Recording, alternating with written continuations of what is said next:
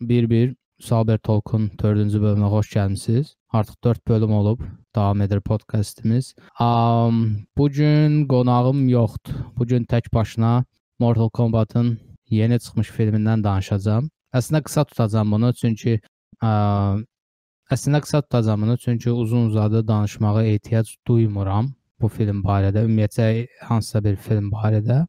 Deməli, ə, film filmə filmə gələk, filmdən elə danışmağa başlayaq məncə. Ümumiyyətcə belə deyim, yəni Mortal Kombat həvəskarları ə, filmlər filmlərə baxıblarsa 90-cı ildə filmlər var idi. Bir dənə bir iki film olmalı 90-cı illərdə.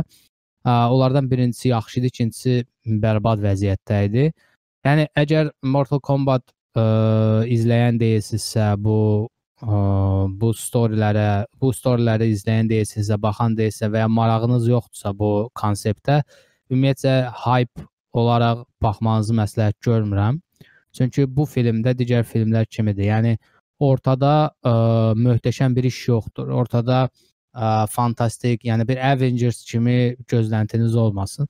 Ə, əslində bilmirəm nədəndir. Ümumiyyətcə Mortal Kombat filmlərinə ə, baxanda görürük ki, yəni ortada potensial çoxdur. Ortada görüləcək işlər çoxdur, göstərəcək işlər çoxdur. Ancaq nədənsə filmlər ə, ya aşağı büdcəli olur, ya aşağı büdcəli olsa da çəkimlərdə xətalar olur. Ə, bu filmin özündədir. Yəni həm yaxşı tərəfləri var, həm pis tərəfləri var, amma ümumiyyət ümumiyyətcə belə deyim, yəni filmin yaxşı pis tərəflərinə değinmədən öncə bildirim ki, filmi bəyəndim, amma filmi bəyənmə səbəbim ə, filmin kino çəkiş tərəfi deyil və yaxud da başqa texniki tərəfləri deyil. Filmi sırf bəyənmə səbəbim Mortal Kombat dünyasını sevməyimdir. Yəni film pis olsa da, lap bərbad olsa da, yaxşı da olsa mənim üçün heç bir fərq eləmir. Çünki mən ə, o kainatı, Mortal Kombat kainatını sevdiyim üçün istər-istəməz ə, illər sonra belə bir filmin çıxmağı pis və ya yaxşı olmağını mənim mənim üçün çox da önəmi yoxdur. Əsas odur mən orada yenidən ə, köhnə xatirələrə qayıtma, eləmə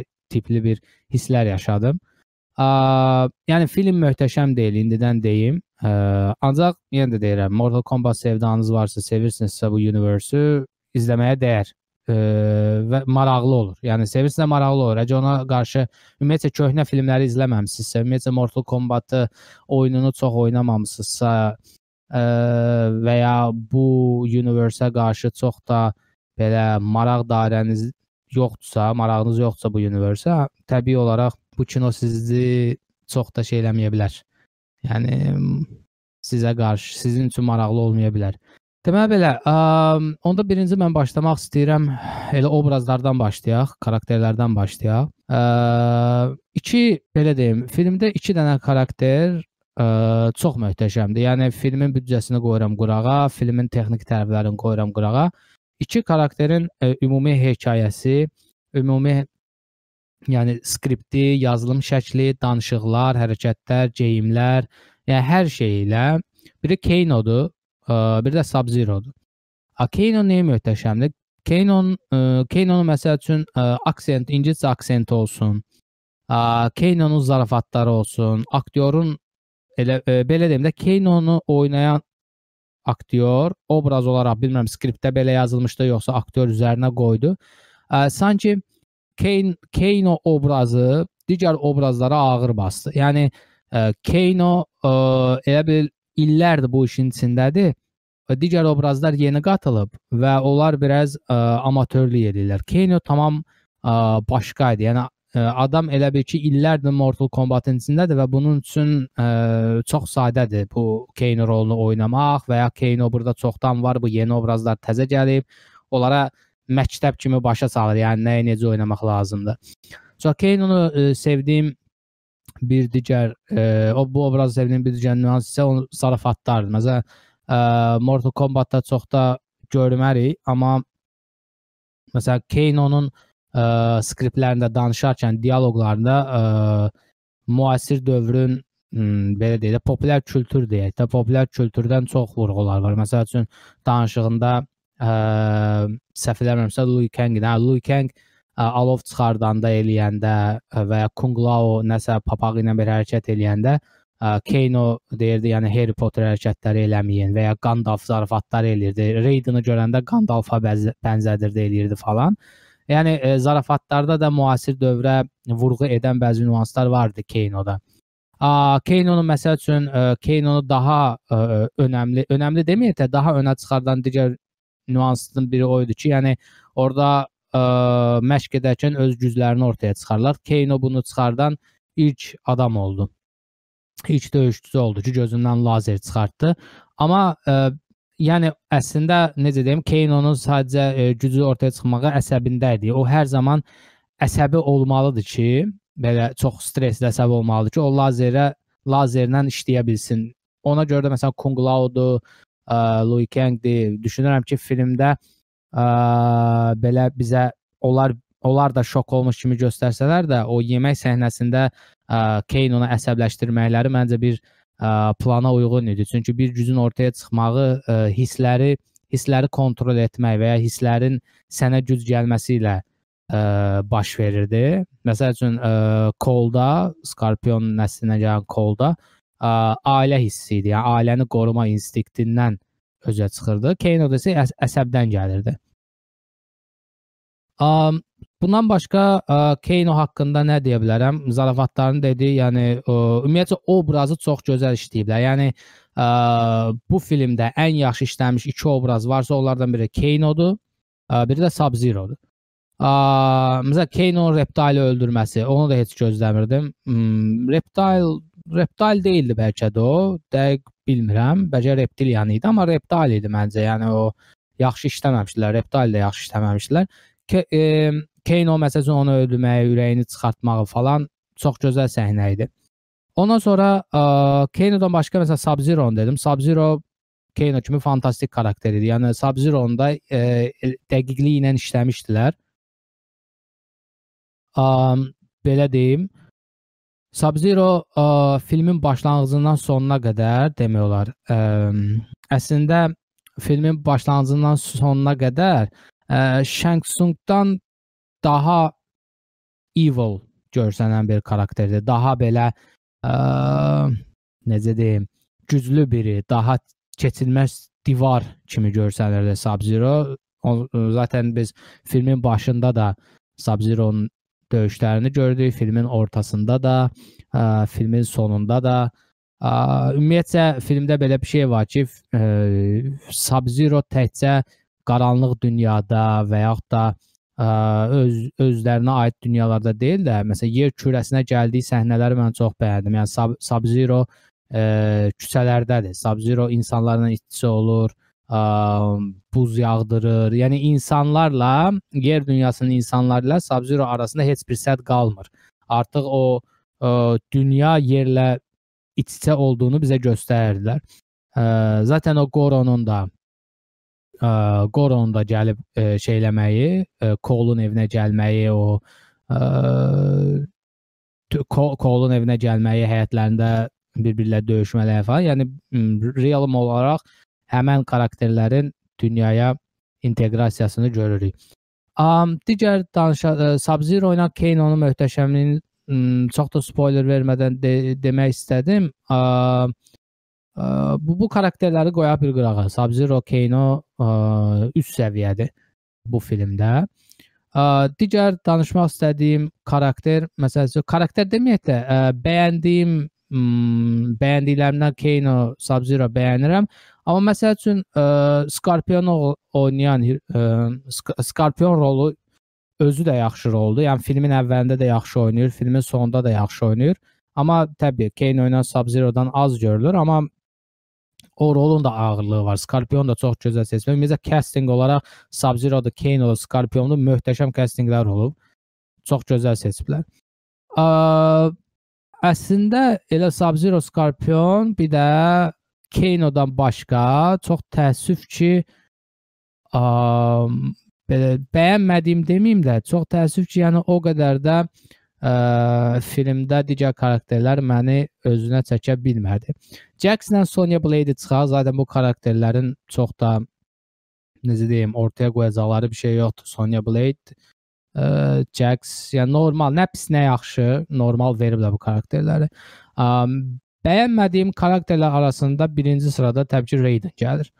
Raiden elə veriblər ki, Raiden elə bil necə deyim, məktəbdən durub qaçıb e, İldırım məktəbindən gəlib filmə çəkilib. Raiden'ın Raiden deyəndə biz daha çox belə ahıl biri, uzun saç biri və ya görünüşdə insanı belə necə deyim, qorxuya salaq deməyək də biraz ə, yəni qapıdan içəri girdi, ayağa durub salam verəcək biri tipidir Raiden. Raiden'a baxdığınız zaman Raiden'da bir ə, necə deyim, bir stres keçirməlisən. Biraz onun hər şeyə hakim olduğunu hiss eləməlisən. Amma burada Raiden çox biabırçı vəziyyətdədir. Raiden yəni ə, elə bil ki, uş uşaqdır. Uşaq sadəcə Raiden cavan biridir, ə, amatördür. Onu ona ə, məna yükləməyə çalışıblar. Yəni bu da Raiden'ın bütün ağırlığını məhv edib filmdə. Yəni Raiden ə, bir məsələni həll edən və yaxud da bir ə, baş bilən kimi görsənmirdi. Raiden sadəcə ə, üstünə özündən, yəni karakterin tipinə uyğun olmayan bir məna yükləyərək çox belə bərbad hala salmışlar Raiden'i.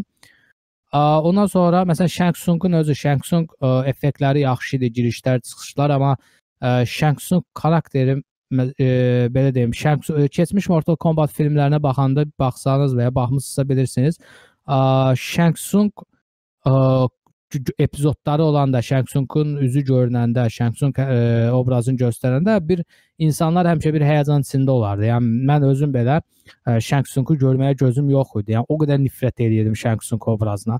Ya burada da Shang Tsung-da o yoxdur. Sanki elə bir ə, bu da bir ə, ailə adamıdır. Yəni sanki belə deyim də bu filmdə belə bir şey var. Elə bir pis karakterlərin, obrazların hamısının sərhədi var.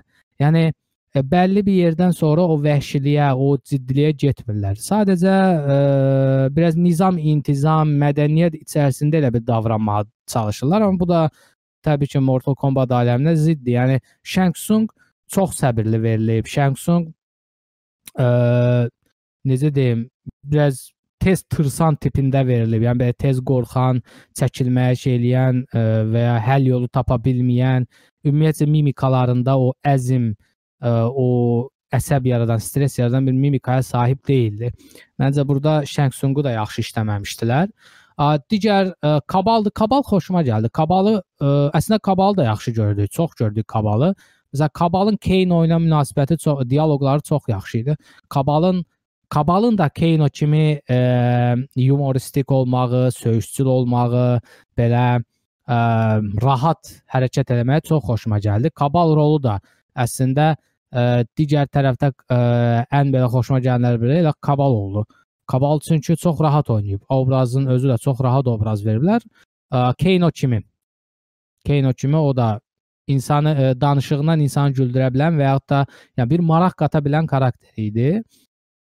Um, gələk məsəl üçün məsələn Kung Lao'ya gələk. Kung Lao yaxşı başladı, amma Kung Lao-da yenə sanki aktyorlarda biraz ə, tədirginlik var idi. Aktyorlar sanki özlərini ə, tapmamışdı filmdə. Məsələn Kung Lao rolunu oynayan Max Hank da yəni sanki ə, bir şeylər eləməyə çalışır, amma nə etdiyindən əmin deyil.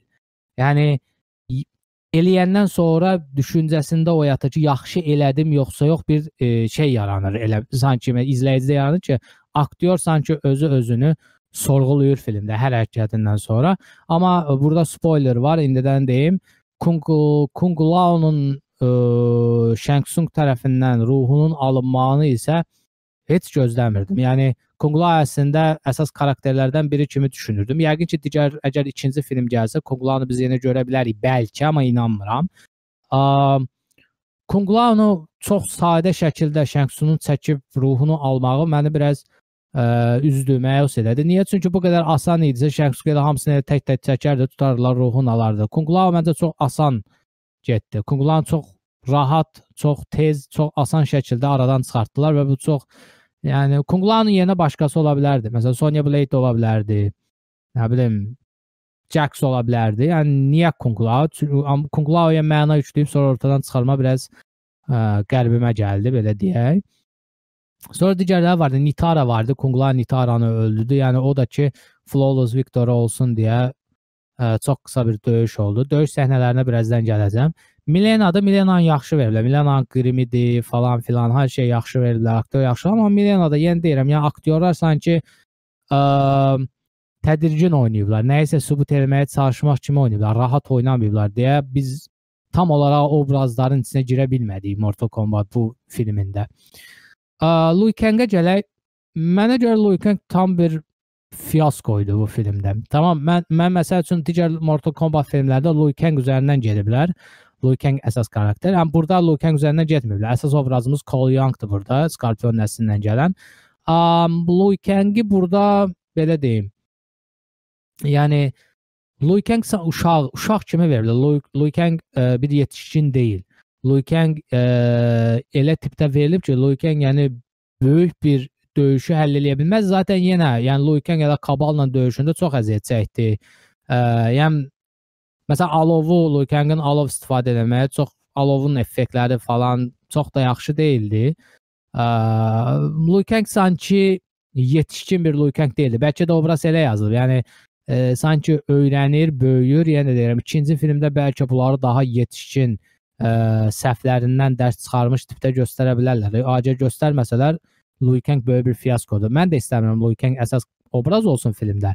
Amma Liu Kang da Liu Kangdir. Yəni Liu Kangın ağırlığı olmalı idi, amma uşaq kimi veriblər. Elə ki, ə, hansısa parka getmisən, şeydir, bələdçidir, gəzdirir. O tipdədir, yəni Liu Kang. Hər şeyi bilir, amma bacarmır ə, tipindədir.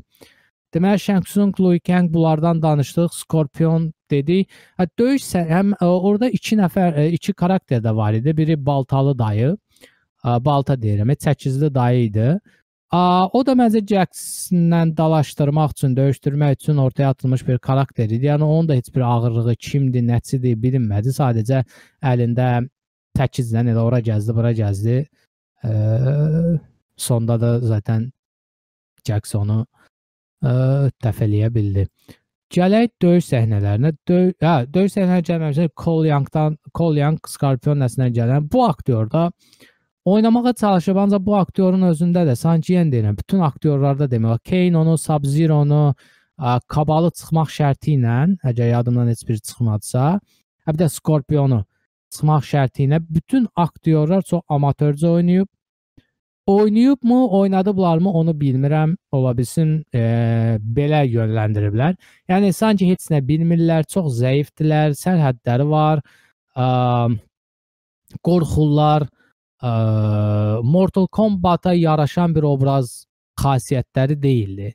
Sanki e, müasir dövrün məhəllə döyüşləri kimi bir tərə tərəddüdləri var falan filan belə düşünək. Məhəllədə iki uşaq dava eləyir məsələn ə, onların necə tərəddüd etdiyi, bir-birinə vurmaları falan.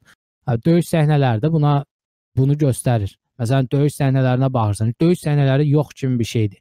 2-3 yumruqdan sonra döyüş səhnələri kəsilir və ya kadr dəyişir və ya qutarır.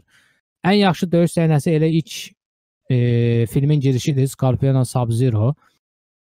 elə məncə elə filmin əvvəlinə də o döyüş səhnəsini qoymalı insanların biraz filmə baxma filmin ardına baxma həvəsini öldürməmək istəyiblər. Yəni ha bu bu döyüşü gördüksə bəlkə arxada yenə gələr, amma elə filmin ən yaxşı döyüş səhnəsi elə ilk e, giriş səhnəsidir. Məsələn, axırıncı döyüş səhnəsində Sub-Zero-ya qarşı Scorpion-la Cole Young, yəni e, Cole Young dalaşırlar. E, iki iki Scorpion e, Sub-Zero-ya qarşıdır. Yəni Sub-Zero yenə güclüdür. Sonda 2 nəfər bir nəfəri elə təkləyib öldürməsi, sonra yandırması, Skorpionun intiqamının alması tipli şeylər biraz ə, çox süni qaldı. Mən daha məsələn filmin əvvəlində Scorpion Sub-Zero döyüşün filmin sonunda da daha belə ə, əhatəli şəkildə görmək istəyərdim. Daha uzun çəkilə bilərdi.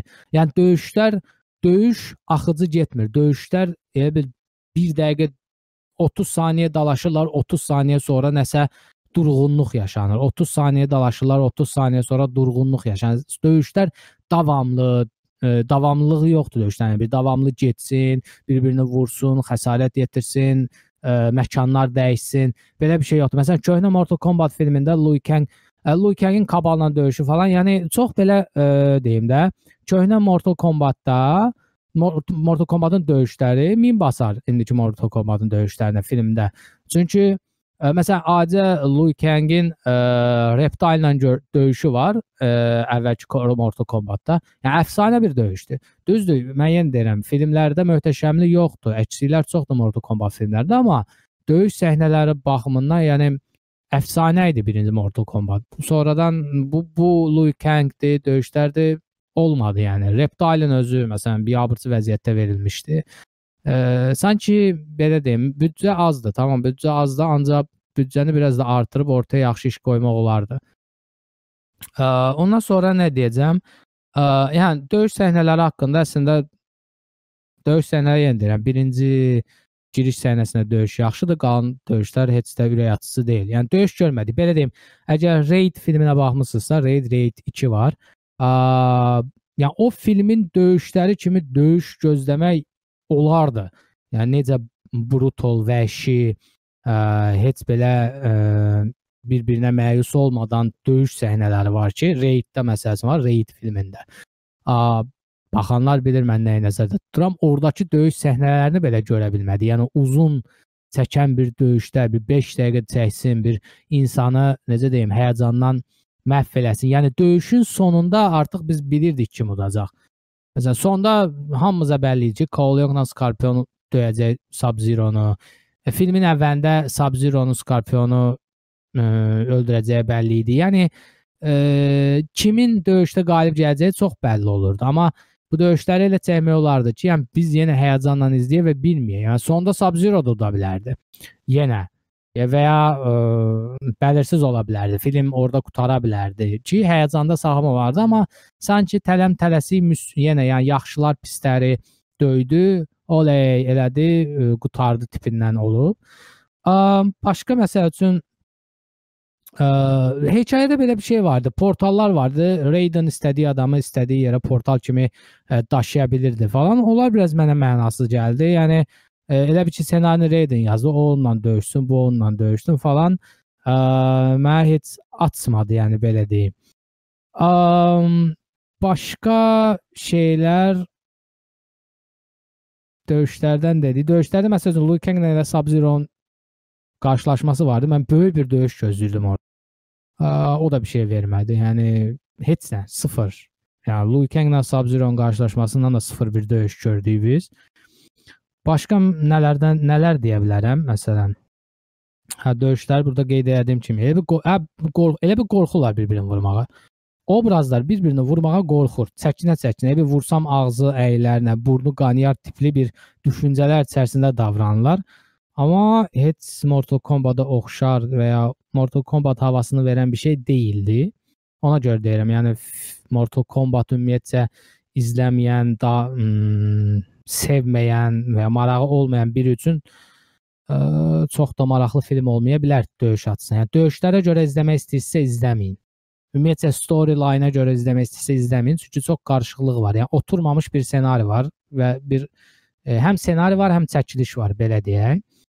Um, məsələn, Goro-nu, Goro-nu yenə tez öldürdü. Yəni Goro yenə tez ortadan çıxdı. O biri Mortal Kombat filmlərində də olmuşdu. Məncə bu CGI-dandır. Goro yenə tez aradan çıxdı və Goro çox rahat aradan çıxdı. Yenə yəni sadılar Cole'un yanına ailə gücünü istifadə elədi. Bu öz arkalarını tapdı, Goronu məhv elədi. Ə, yəni çox sadə oldu. Gorodan mən də biraz hype idim. Yəni Goronun biraz döyüş səhnələrini görmək istəyərdim. Birincidə, yəni o vəhşiliyi göstərmək istəyərdim, o, o görmək istəyərdim, amma onu da görə bilmədik. A, ümumiyyətcə belə deyim bir də bir nüans da var. Mortal Kombat deyəndə biz həmişə bir müsabiqə ağla gəlir. Bir e, bloklanmış, yumru əhatə olmuş bir Mortal Kombat ağla gəlir. Niyə 2 nəfər bir-birinə döyüşür, sonda məğlub olanın ruhu çəkilir, yəni aradan çıxır. Um, Amma burada biz yenə müsabiqə tipini görə bilmədik. Müsabiqəyə hazırlanmağını gördük, amma bir müsabiqə havası yenə yox idi. Yəni bu da məni məyus elədi. Çünki döyüş səhnələrinin heç biri müsabiqə çərçivəsində deyildi. Hamısı orada, burada çəkilmişdi. Yəni yenə də deyirəm, bütün ümidim bundan sonrakı əgər gələcəksə ikinci, üçüncü filmlərədir ki, orada bəlkə biz müsabiqə görəcəyik. Mortal Kombat dedinsə, yəni müsabiqə olmalıdır. Müsabiqəsiz Mortal Kombat təsəvvür etmək çətin məsələdir. Yəni or bir competition olmalıdır ortada. İndi film necə bitdi? Film belə deyim də, film ə, filmin sonunda sevindim. Ə, Cole'un Hollywooda getməyi, Cage-in Johnny Cage-in yanına bu ikinci filmin gələcəyini göstərdi. Ümid edirəm çəkiləcək. Yəni büdcə problemi yaşanmasa onsuz da çəkiləcək. Büdcə problemi yaşansa çəkməyə də bilərlər. Um, sonda sevindim. Johnny Cage-in şəklin gəlməsi, Hollywooda getməyi falan Cole'un. İkincidə ümid edirəm ki, artıq biz normal bir ə, komanda yığılışı və müsabiqəyə gediş yolunu izləyəcəyik. Yəni biz o müsabiqənin içinə ə, film bizi o müsabiqənin ortasına ata biləcək. Mən buna ümid edirəm. Əgər ata bilməsə çox böyük, böyük bir məyusluq olacaq. Sevəcəmmi? Sevəcəm filmi. Amma yenə də deyirəm, amma sadəcə ə, pis yaxşı tərəflərinə fokuslan fokuslansaq, ə, pis tərəfinin yaxşı tərəfdən daha çox olmasını istəmərəm filmdə. Çünki Mortal Kombat dedikdə bütün uşaqlıq, yeniyetməlik, hər şey yada düşür. Ə, yəni bunları izləyə-izləyə böyümüşük. A, bundan başqa nə deyə bilərəm? Məsələn, orada mənfi xarakterlər var idi. Mənfi xarakterlərin heç birinin hekayəsini görmürük. Ə, bir dənə Kano-dur. Kano da birinci müsbət karakter kimi gəlir. Yəni ə, dünya tərəfindən gəlir, müsbət deyərkən Kano onsuz da mənfidir, Lovğa özündən razı. Ə, Keyno'nun sonradan digər aləmə keçməyinə deyə bilərik. Mənfi karakterlərdən birinin hekayəsini bildik, amma digərlərinin hekayəsi olmadı, verilmədi. Sadəcə ortaya qoydular ki, yəni dediyim kimi müsbətlər mənfiləri döydü. Yaxşı pisi döydü kimi ortaya döyülmək üçün atılmış bir şey idi. Um, əslində bütün deyəcəklərim bu qədərdir. Yəni ümumi ə, film barədə fikrimi də elə azdan çoxdan bildirdim. Filmi sevdim, amma sevmə səbəbim Mortal Kombat-ı sevməmdir. İzləməmdir. Bu ə, bu hekayəni sevməm oldu. Amma filmin detal detallarına enəcək olsaq, sevmədiyim çox yer var. Nəinki sevdiyim. Ə, ümumi bir baxış olsa, castingdə yaxşı castinglər olub Scorpionda, Sub-Zero-da, ə, Ə, məsələn Kabalda, Sonyada, Jax-də, Kano möhtəşəmdir. Kano, mən nədənsə Kano ən çox sevdiyim elə Kano oldu. Ə, pislər də zaten bəllidir dediyim kimi. Digərləri də pisdir. Yəni Raiden ən bərbadıdır. Yəni ən pisi kimdir desən Raiden deyərəm, amma Raiden daha çox ağır basmalı idi filmə. Bizdə o güvən şeyi yaratmalı idi. Ağırlığını yaratmalı idi. Ə, döyüşlər bərbad. Döyüşlər ümumi sevmədim. Döyüş, döyüş yoxdur demək olar. Döyüş sadəcə iki şillə vurub qaçmaqdan ibarətdir. Döyüş yoxdur. Bir dənə birinci e, filmin birinci hissəsində Scorpionun döyüşlərindən başqa filmdə döyüş adına heç bir şey yoxdur. Yəni bunu ə, e, bildirməmdə fayda var. Effektlər də ki, e, yəni, yəni Raiden'ın ildırımları yaxşı idi. Ə, Liu Kang'ın alovları meh, yəni çox da yaxşı deyildi. Mən daha yaxşı Liu Kang. Bir də mən Liu Kang'ın alovları deyəcəm. Mən Liu Kang'ın alovlarının daha çox ə, çətin vəziyyətlərdə, son anlarda çıxacağını çıxsaydı daha yaxşı olardı deyə düşünürəm. Liu Kang sanki alovla ə, oynayırmış kimi istədiyi vaxt çıxardır, eləmir. Amma Liu Kang'ın alovu daha çox son anda, çətin vəziyyətdə, ə, kritik vəziyyətdə çıxsa daha yaxşı olardı fikrimcə. Yəni yenə də ikinci film birinci film bizə heç nə deməyib demək olar. İkinci filmdə görəcəyik bir, bir çox şeyi. A, məsəl üçün Kung Lao'nun yerdən çıxıb Liu Kang qorumağı çox gülməli bir şey idi. Yəni çox pis CGI idi. Yəni onun o yerdən çıxma effekti falan filan. A, və ən böyük problemlərdən biri də filmdə Mortal Kombat-ın orijinal musiqisi yoxdur. Yəni bir yerdə var idi sonlara yaxın sintez olunmuş və remix forması, amma o da ə, o hissi vermədi. Nostalji hissi, o ə, istiqanlı hissi vermədi. Yəni Mortal Kombat filmində Mortal Kombatın musiqisi olmalıdır. Yəni bu olmazsa o Mortal Kombat olmur. Ə, yəni çox gözlədim. Musiqini də çox gözlədim, o da gəlmədi. Belə deyim, ə, ümumi baxış açım belədir filmə. Yəni film 10 üzəri 5 10 deməyək də 5 üzərindən filmə 3 3 verərəm. 3 də niyə verərəm? 3 məncə 4-5 haqq eləməz.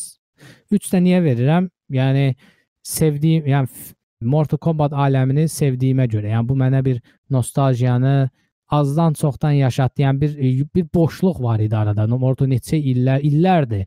Yəni mən buna baxanda 90-lar idi. Yəni ondan bəri Mortal Kombat filmləri görmürdük. Ə, yəni baxmaq istəyən həvəslə də baxdım, vaxtın necə keçdiyini də unutdum. Amma texniki tərəfləri gələcək olarsa heç üçlük də deyil. Yəni düzünə qalsa, çünki mənfi tərəflər müsbət tərəflərdən çox idi. Ə, ümid edirəm ikincisi gələr. Çünki mən hal-hazırda baxıram IMDb-də çox aşağıdır. Get-gedə də deyəsən aşağı düşür xalı. Ümid edirəm ikincisi gələr və ikincisi də biraz yığıb yığışdıra bilərlər. Ə, biraz ikincidə, yəni biz Mortal Kombat mən, mən görmək istədiyim şey bol döyüş səhnələri, ə, tam döyüş səhnələri, həmçinin yəni yola verilən döyüşlər yox, tam o hissiyatı bizə verən döyüş səhnələri, məsələn o giriş girişdə olduğu döyüş kimi. Bir də ə, karakterlərin artıq obrazın içərisində təkmilləşmiş olmağı. Yəni obrazdan karakterlər arasında sanki bir boşluq var. O boşluğun doldurulması. Yəni təbii ki, Kane-onu, Sub-Zero-nu, Scorpion-u çıxsaq, ə, digər karakterlərdə sanki bir boşluq var. Arada boşluq var. O obrazın içərisinə girə bilməyiblər. Elə başrol Cole kimi. Ə, belə, yəni Mortal Kombat haqqında deyəcəklərim bu idi. Ə, ümid edirəm digər filmlər filmlərində və gələcək ikinci, üçüncüdə yığıb işləyə biləcəklər. Təşəkkür edirəm qulaq asdığınız üçün. Xoş günlər diləyirəm sizlərə.